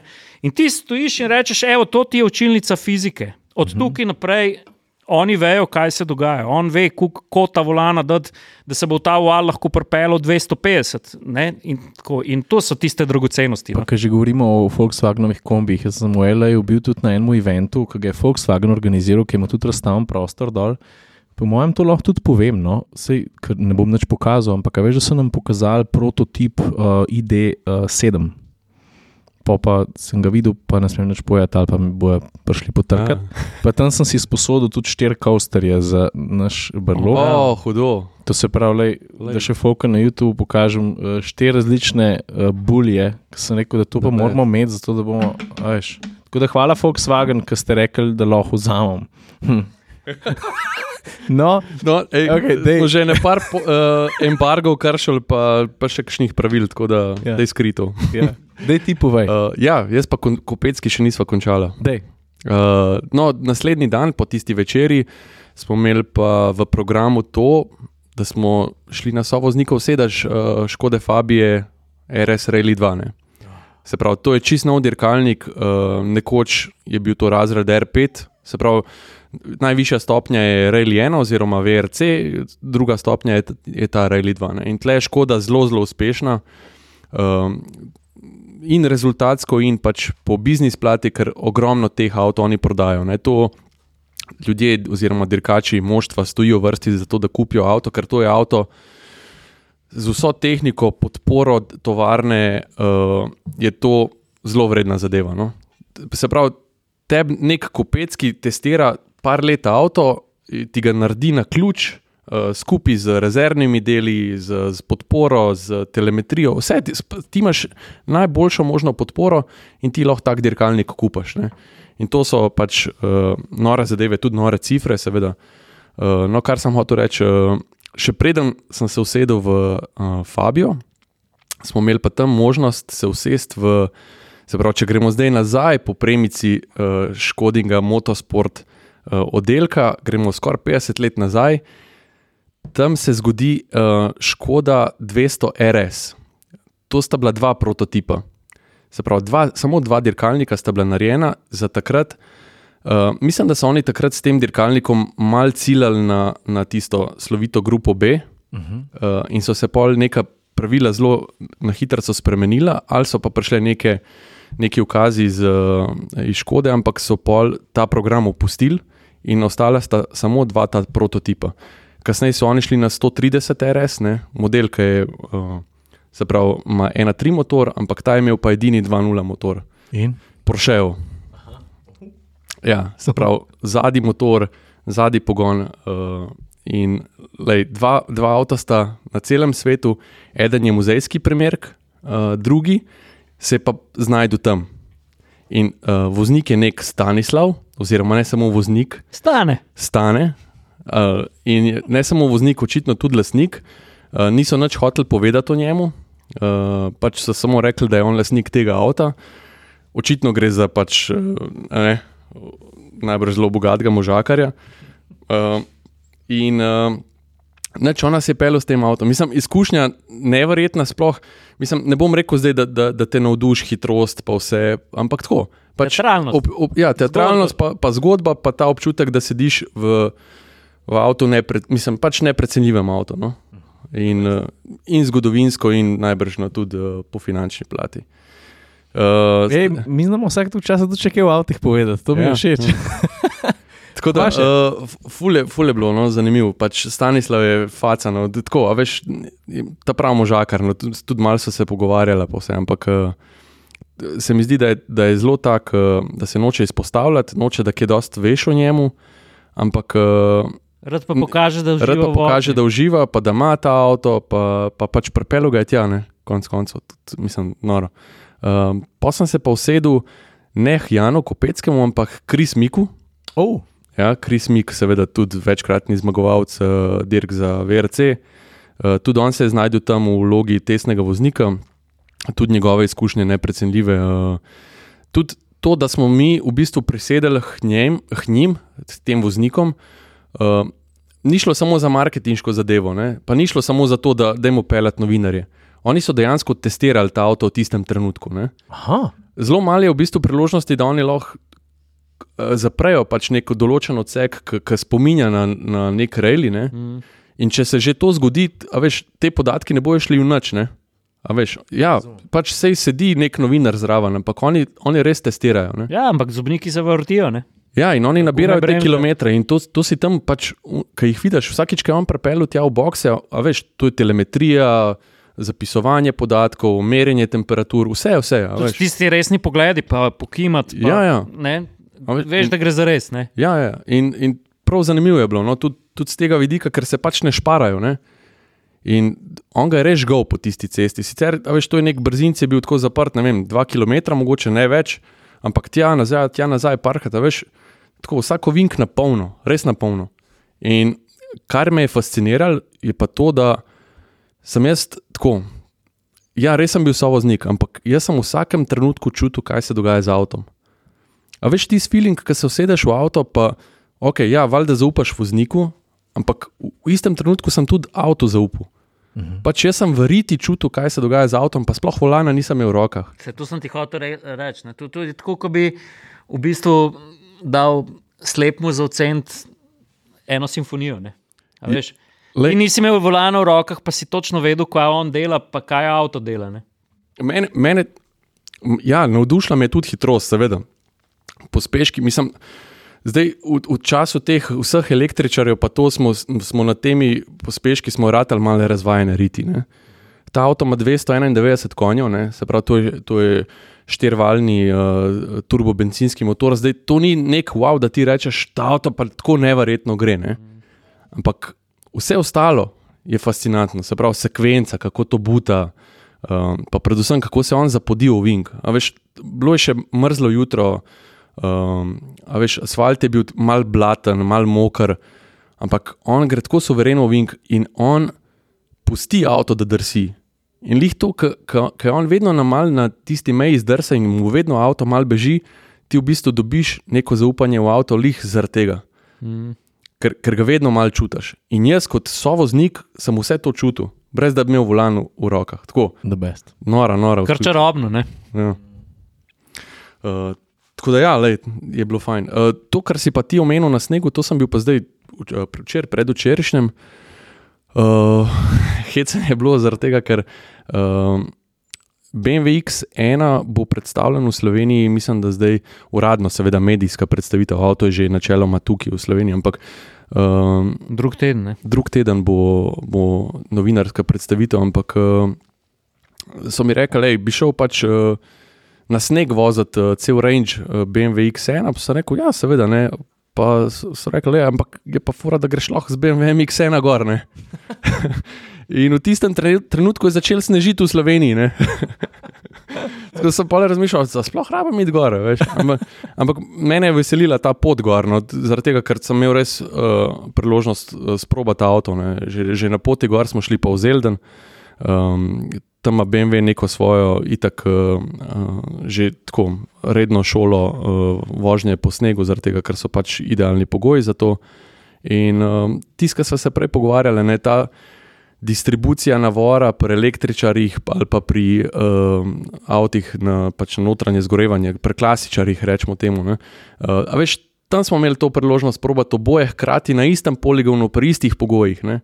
In je ta neposredna primerjava bila v bistvu še največji gold tega eventa. No? Um, ja, se probaš avto, jaz sem ga že na poti gor, že dobro sprobo, ampak tam pa dobiš tisto priložnost uh, probati eno ali pa drugo hkrati pri istih pogojih. Ne?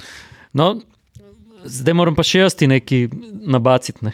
Jaz sem pa iz, tudi izkoristil prvi slovenski sneg, sploh na naši um, jugovzhodni pregradi, Ja.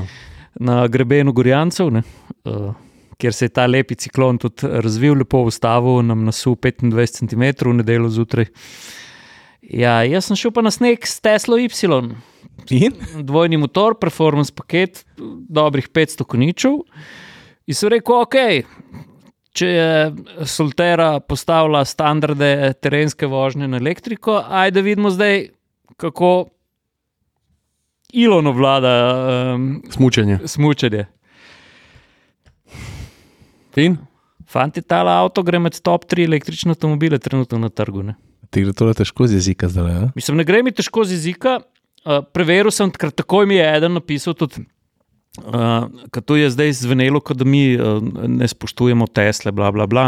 Ker smo se zadnjič pogovarjali uh, na podkastu od Andreja Pečaka. Ja, povej, uh, um, nekdo mi je napisal, zdaj pa hitro uh, pejte po, po kapitanoviču, pa mu pokaže, da so tudi gepe, kar se riske zrihteli. E, to je pa tako, fanti. Veliko boljš, kaj je bilo. Ampak imaš berlinsko Teslo. Berlinsko, Okay. A. ampak, Ne, berlinsko, ampak, vo, voz, mislim, nisem vozil, Ciril, ti si imel že berlinsko Teslo. Ja. Ja. In jaz sem že parkrat rekel, da berlinska Tesla mi je ok, kar se tiče Ja. Drug avto. to je Drug ne, avto, Drug avto. drug avto. Je drug avto. Uh, no, da pri teh gepih res ima boljš, uh, res ima boljš, kot je bilo, ampak to niti približno ni na nivoju Lexusa, uh, Audija, Mercedesa, BMW-ja, um, Toyote. Ne? In uh, največjo napako, kar sem najdel, da res striže, ne, je uh, se pravi um, stik ob, ob, pri prvih vratih, ki imaš kar obček tako le še zaprijet. Ampak to v končni fazi ni važno, ker avto za ta denar, ki zahtevajo, sploh v performance paketu, uh, brez sence dvoma rečem, da je trenutno v razredu med top 3 električnih avtomobilov. Kako se je po snegu, voz, to me zanima. Po snegu se pa voz super dobro.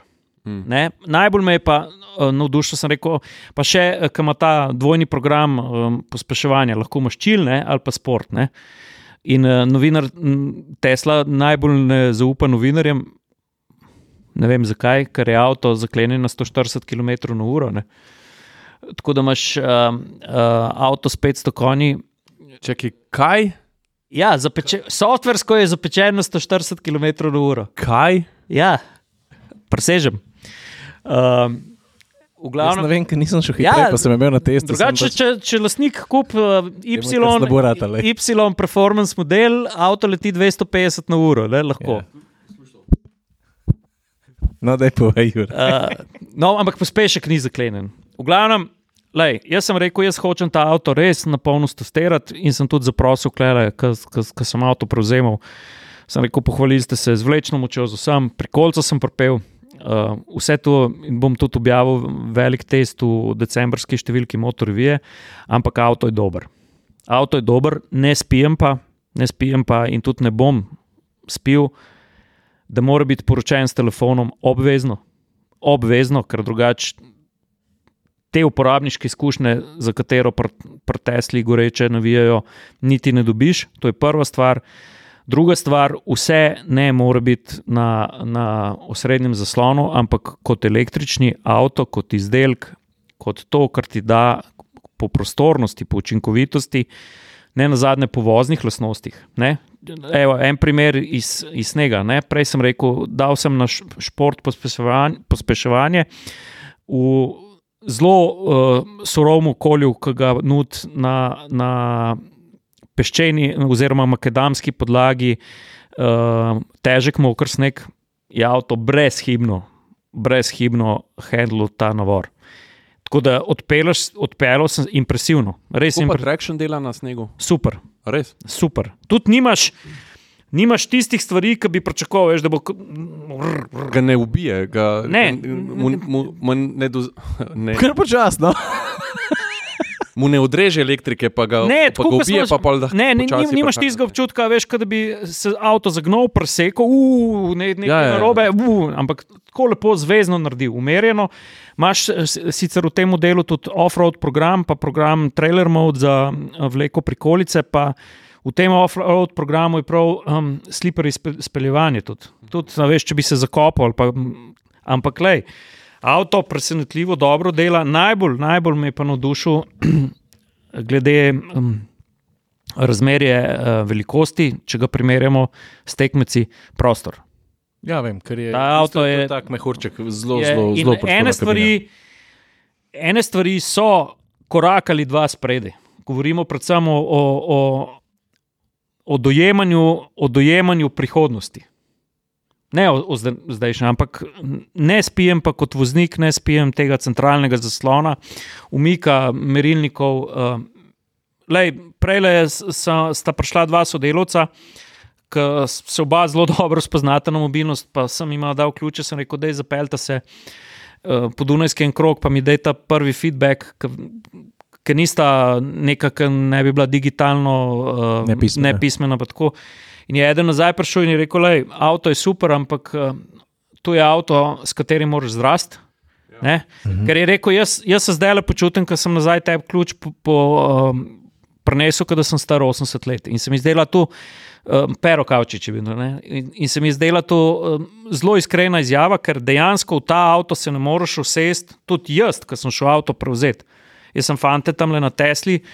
Ki svoj posel dobro vladajo, sem rekel, lej, zdaj, me, zdaj me pa vod čez par osnovnih stvari, zato da, da ne bom časa zgubil, zato da mi poveš. Ampak uh, avto, je pa, avto je pa dober. Vse to je mal problem tega, ker mi mogoče res te avto ocenjujemo. Pre, veš, prekratko obdobje ga imamo, tudi če je test, ne vem, 14 dni je to prekratko obdobje, da ti rečeš, ok, jaz sem skupaj s tem avtom, se, skupaj sva se nekaj naučila, ne? Mhm. naučil sem se ga uporabljati. A veš, zdaj, recimo, pri BMW-ju smo bili, lih, tudi pri večerji sem sedel zraven enega razvojnika, ki je odgovoren za ta za infotainment sistem. Ne? In zdaj tudi pri XN, ki so en pač dober del stikal so spravili v infotainment. In sem ga vprašal, recimo po zim, mislim, jaz sem se vozil po snegu, po, po mrzlem in vsakič, ko sem se usedel v avto, sem si hotel dati gretje sedeža. Ne? In zdaj ti na mes enega stikala, da si pritisnil gretje sedeža, ok, klik pržgano, Mm. moraš iti not v infotainment, se pravi, pritisniti, klimatizacija, ena, mm. poiskati sedež, ena, dva, tri, koliko. Se pravi, trije, trije koraki, s tem, da moraš gledati v infotainment na mest na cesto. Ja, Ja, Sam je cnej, ne? Ni, ni bil, ni bil, ja, ampak ni bil to argument. Argument je bil, ok, ena stvar, ki jo kupam, je to, rekel, ampak ta avto se uči, s tabo se uči. Je rekel, mm. če bo on videl, da ti vsakič, ko se usedeš v avto in je temperatura pod tok pa tok, da si ti prežgeš gretje, ti bo on naslednjič sam prežgal gretje. Mhm. Sem Rekel, ok, pametno. Ne? Druga stvar je to, da je rekel, uh, mi vidimo, kaj v bistvu uporabniki počnejo z avtom. In vidimo, kje stikale največ uporabljajo, kje najmanj, zaradi tega, ker avto vrača podatke nazaj. ne. Uh, in je rekel, videli smo, da, da recimo, da voljum še zmeraj radi uh, vrtijo na, gor na mm. pismu, ne? na armaturki, smo pustili tisti gum gor. Ne? Mhm. Rekel, za, za gretje sedežev, a veš, ga kdaj pa kdaj pržgejo. Ne? Mhm.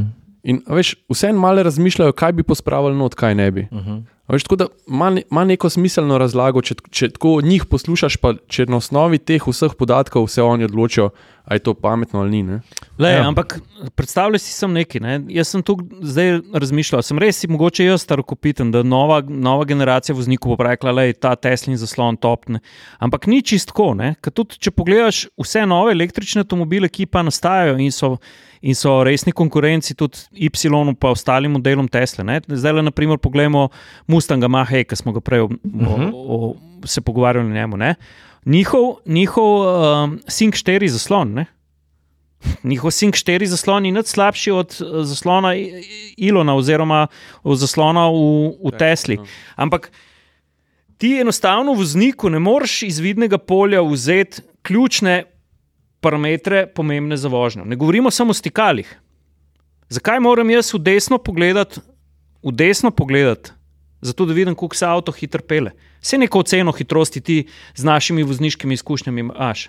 Ampak to si predstavljate tako, kot da bi pilotu rekel, uh, ti boš v, v fazi um, instrumentalnega letenja um, v slabih pogojih mogel leteti na, v fazo vizualnega letenja. Ti določene, in, določen instrumentari kot voznik potrebuješ še vedno in vedno ga boš potreboval. Mhm. Ne? Tudi dotaknemo se tega avtopilota, ne? tudi kar smo mi posneli uh, za zavarovalnico uh, Triglav, tisti video, ki smo ovrgli te mite o samovozečih avtomobilih. Ne? Ja, v Tesli piše v navodilih za uporabo, da, da avtopilot deluje, če na njega pritiskamo vsaj si, silo 400 gramov. Ne? Ja, Veš- veš, kaj meni hecam, da ti, uh, da ti ne zaupajo voziti nad 140 na uro, zaupajo ti pa uh, vsa stikala spraviti v desni ekran. To je to. In, veš, saj ti, imaš, en, ti imaš te bližnjice, ne? tudi za, za brisal, eh, brisalnike. Ne? Ti kle, klikneš top, se ti tam takoj odpre. Ampak zakaj? Ja. Zakaj, če imam jaz pred sabo ročice, če imam cesto, zakaj, če, če, če ste taki digitalni friki, nimate, nimate enega najboljših head-up displejev pri nas, mislim v, v industriji. Ne? A Veš, in v enih pogledih res avto, ki dejansko premika meje naprej, uh, po drugi strani pa jaz mislim, da vseeno so šli pa pri pr tej digitalizaciji. Pa tudi, veš, kaj Pa moramo. Nisem Tesla tukaj. No. Ja, ne, Se pa veš, razumemo, kaj ne. moramo še povedati tukaj. Ne? Glih, ki si vozil BMW. Ne? Jaz sem pri BMW opazil blazen napredek v učinkovitosti varnostno-sistemčnih sistemih. Ne? V zadnjih BMW-jih, ki sem jih vozil, to res dela s takim občutkom vozniškim. Se pravi, smud delovanje, hkrati učinkovito in tako naprej. Naprimer, v Tesli stvari delajo perfektno, ampak so malo preveč invazivne. Za nekoga, sploh, ki bo se prvič srečal s takimi stvarmi. Vse poznamo sisteme, ki Ja. za kakšen občutek malo prehitro posežejo, pa pregrobo. Ne? Pa je lahko to moteče. Ne? Za izkušene ali pa ne, za neizkušene voznike pa sploh. Ja. Pod črto me je pa navdušil avto. tu pa pri- Lepo, lepo. Ne vem, nisem ga še vozil. Ej, Pa ne nad 140. ur. kva, kva imamo še kaj? Ne vem. Mogoče, ej, sam mogoče še to, to bi bilo tebi zanimivo, Juris. Ne vem, če si videl tiste storije, no, ampak prej si omenil, ki si našteval o kakovostnih znamkah, pa sestavljenosti vrste Tesla. Si rekel tudi Lexus, pa sem se spomnil, da sem bil v Berlinu prejšnji teden ali dva tedna nazaj. videl, ja. Um, pa ne bom, veš kaj, Lexus je najdel na tako zanimivo nišo, ker oni nimajo modelov na pretek, da bi kar skozi ne nove avto predstavljali, bil pa facelift an UX, to njihov majhen SUV. In znajo, mater, znajo dobro preplest mojstrstvo tistih, ki sestavljajo avto, to se pravi njihovi mojstri, ki naredijo vse tako skupaj, tako mi mojstri Z rokodelci. z rokodelci iz različnih mest, krajev in držav in to povezati v eno zgodbo. In se mi zdi, da so kar eno tako majhno nišo najdel in so mi take avtomobilske predstavitve zelo všeč. Sploh zato, ker rad, pa tudi ti, Jure, pa tudi ti, Saša, zgodbo podaš tudi na mal drugačen način kot suhoparen test. Ej, imamo prenovljen avto, prej tega pela 200 km testna trasa, zdaj pa napiš, kaj misliš. A se spomniš najmenjega tako mi je iz Lexusa, ki Ja, ga samo odkrila? bager, vem. Jaz, si, jaz jih dam v isti predal kot uh, Kupra, pa recimo Alpina. Ne? Ja, in meni je to blazno všeč, no, ampak se da ne bom zdaj, UX je bil prenovljen, osvežen, večja baterija. električen, večja baterija, polnjenje nič hitrejše, kar ni za pohvaliti. Je pa zelo, zelo dober narejen avto, ki smo govorili o gapih, pa o tem specifičen dizajn, ampak zelo dober, zelo tih avto, sploh pri avtocestni hitrosti. Predvsem pa, hotel sem to izpostaviti. Tam sred Berlina je en umeten hrib. Uh, ta vzpetina je vem, 100 metrov visoka. Uh, pravzaprav je nastala tako, ker je bil, ker je bil Berlin kar dobro porušen med vojno, da so morali vse tiste ruševine, pa beton, pa cegle, pa vse, kar je ostalo od porušenih stavb, dati na en konc, so dali na en kup. In to je ta hrib, in na vrh tega hriba je pa bila uh, prisluškovalna postaja ameriške vojske, uh, ki je zdaj seveda že opuščena in nas je tam polen američan okrog pelo z vsemi kupolami vred in tako. A checkpoint Charlie.